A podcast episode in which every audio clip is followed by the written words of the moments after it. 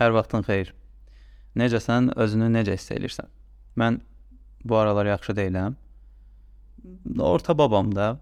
Çünki son 2 ayda daha çox bərk xərc olmuşam, nəinki əli açıq. Bu iki anlayış düşünürəm ki, insanın özünü idarə etməsində önəmli rol oynayır. Bəzən əl açıqlığı bərk xərclik kimi görürük, bəzən bərk xərcliyi əl açıq kimi görürük. Amma bunlar düşünürəm ki, ayrı-ayrı şeylərdir. Məsələn, planlı olmayanda xərclərimiz ki, çox zaman belə olur, biz bərk xərc olmağa başlayırıq. Dolayısıyla belə bir şey deyə bilərəm. Əli açıqlıq planlara uyğun şəkildə istədiyin formada xərcləmə prosesidir. Bərk xərclik isə heç bir plan olmadan intuitiv və reaktiv olaraq xərcləmə prosesidir. Yəni deyirsən ki, özümə burger alıram, özümə falan şey alıram. Durdum, getdim, onu aldım, gəldim. Bu artıq bərk xərclik sayılır. Niyə? Çünki sözün özünə baxaq da, xərc bir şeyə pul xərcləmək, vaxtını xərcləmək, enerjini xərcləmək və s.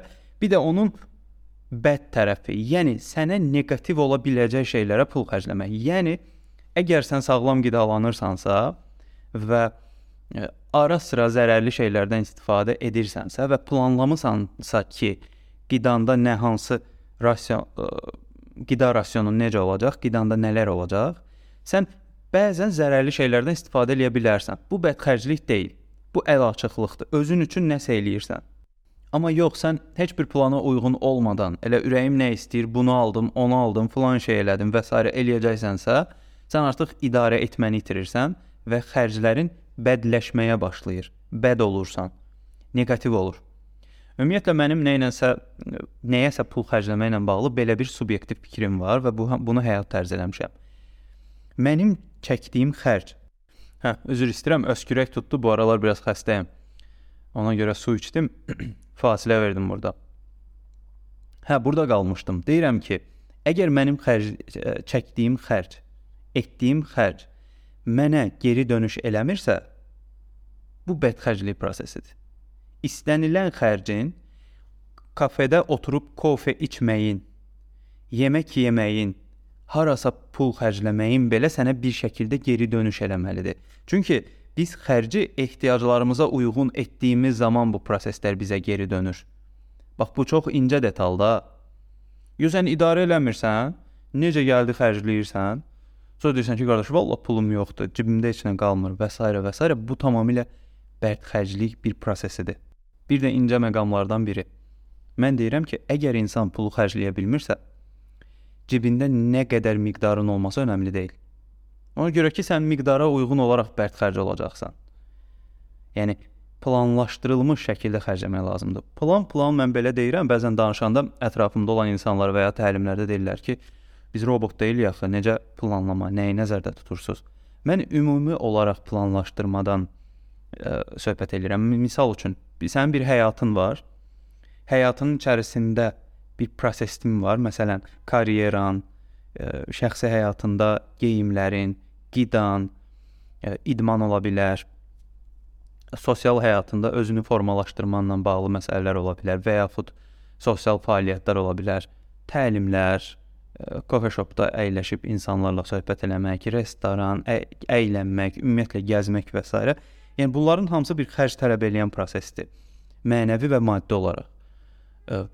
Bu proseslərin hamısında doğru şəkildə planlamanı qurduğun zaman sistem daha yaxşı işləyir. Yəni sən ümumi şəkildə planlayırsan ki, məsələn, mən klassik geyimdə bu bu bu şeylərə üstünlük verirəm, qidada X, Y, Z şeylərinə üstünlük verirəm.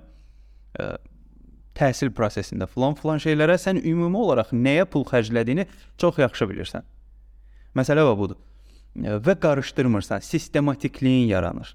Yoxsa 1 manat verdim, X adlı bir şey aldım, sonra 50 qəpik verdim, bunu aldımı hesablamağı mən nəzərdə tutmuram əslində. Mən də düşünürəm ki, bunu eləsək bu artıq robot ola bilər insan burada hər yerə bir qəpiyini hesablayırsan da belə bir şey. Bir də ə, e, simic dediyimiz insanlar var da, xəsis simic, pul xərcləmək istəməyən insanlar. Bax belə bir insan da var ki, deyirlər ki, əli bərkdir, pul xərcləmir və s. Biz çox zaman belə insanlardan qaçırıq. Deyirik ki, bu insanlar niyə simicdilər, niyə özlərinə pul xərcləmirlər və s. Bu da onların şəxsi məsələsidir ki, onlar özlərini belə görürlər, yoxsa yox.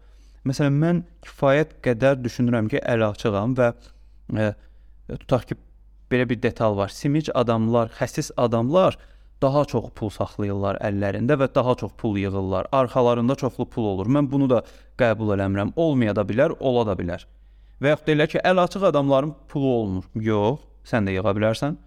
Məsələ planladıkdan sonra yerdə qalan pulu geriyə geridə saxlaya bilmə prosesidir. Bax bu da önəmli olan detal. Yenə də işin o ana mətni planlamaya dayanır. Sən biləcəksən ki, nə geyinirsən, nə yeyirsən, necə təhsil alırsan və ondan sonra xərcini buna uyğunlaşdıracaqsan. Yoxsa filan qədər pulum olsa fikirləşərəm dediyin zaman sən artıq idarə etməni itirirsən. Çox sadə şeyləri idarə edə bilməyəndə mürəkkəb şeylərə getdiyin zaman əməlli başlı və çaş-baş qalırsan. Bunlar incə məsələ də. İndi mən danışıram belə rahatlıqla bunları ifadə eləyirəm. 31 yaşım var, biraz təcrübələrim var biznes sahəsində, şəxsi həyatımda, sosial həyatımda. Amma bu danışılan qədər asan deyil də. Yəni bunu yavaş-yavaş vərdiş elətdirməlisən. Çünki yaxşı xərcləmək bir vərdişdir.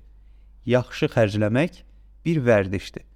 Sən bunu vərdiş eləyəndən sonra bunu pozmaq heç kim poza bilmir. Özün belə çox çətin anlarda, belə stressli anlarında poza bilərsən. Çünki sən bilirsən artıq nəyə necə, hansı formada pul xərcləyəcəksən.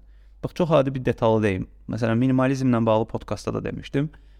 E, geyimlərdə yaşam prosesində çox minimalist biriyəm. Məsələn, mən deyək ki, 3 rəng cins istəyirəm. Həmin 3 rəng cinsin bahalısını və keyfiyyətlisini alacam, marka alacam. Bu marka xəstəliyi olmaq anlamını vermirəm. Ümumi olaraq keyfiyyətli bir marka olsun. Və mən bunu minimum 1 il 5 ay geyinəcəm. Bu hamı belə eləməlidir demirəm ha bunu. Ümumi olaraq özüm haqqında deyirəm. Niyə? Mən düşünürəm ki, buna xərclədiyim 4 cinsə deyək ki, 500 manat pul xərcləmişəm. Bu 4 cinsə xərclədiyim 500 manat mənə bir şəkildə geri dönəcək. Çünki il yarım mən cins almayacağam. 1, bunun o amortizasiya xərcləri var da, köhnəlmə xərcləri. Bu var. Bu köhnələnə qədər mən əlavə gəlirlər də əldə edib özümü daha da təkmilləşdirəcəm. Daha fərqli formasını alacağam və s. və s. bu şəkildə düşünərək həyatımı planlamağı və həyatımı daha yaxşı eləməyi düşünürəm.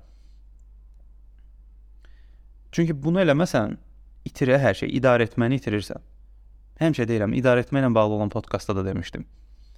Ə, hərəkətlərini öncədən ehtimal eləyə bildiyimiz bütün insanları idarə eləyə bilərik və kim idarə eləyirsə, o qazanır. İdarə olunanlar çox zaman qazanmırlar, qazandıqlarını düşünürlər. Bax, bu məsələyə xüsusi diqqət yetirmək lazımdır. Belə Ümid eləyirəm ki, bədxərc yox, əl açıq olmaq lazımdır və ümid eləyirəm ki, olmaq lazımdır cümləni səhv qurdum. Həmişə özə fikir versən podkastlarda olur belə. Bəlkə də bu bilirsən nədəndir? Mən sanki bax bu podkastda indi oturmuşam, divara baxıram da. Sanki qarşımda sən oturmusan və səninlə danışırmış kimi belə bir düşüncə yaradıram beynimdə. Və heç ara baxmadan beynimdə olan fikirləri sənə məsəl üçün çatdırmağa çalışıram. Ona görə belə arada bəzən sözlər qarışır. O təbii baş verən proseslər həm maraqlı olur, həm də bəzən o qarışa bilir. Düşünürəm ki, bu baxımdan bu çox maraqlı bir şeydir. Ən azından mənim üçün çox maraqlıdır.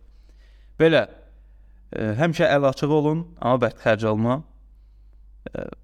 Bərk xərclik pis şeydir. Yaxşı xərcləmək isə bir vərdişdir, bayaq dediyim kimi. Sənə yaxşı xərcləməyi arzulayıram. Suallar olsa yazmağı unutma. Dinlədiyinə görə təşəkkür edirəm. Növbəti podkastda görüşərik. Hələlik.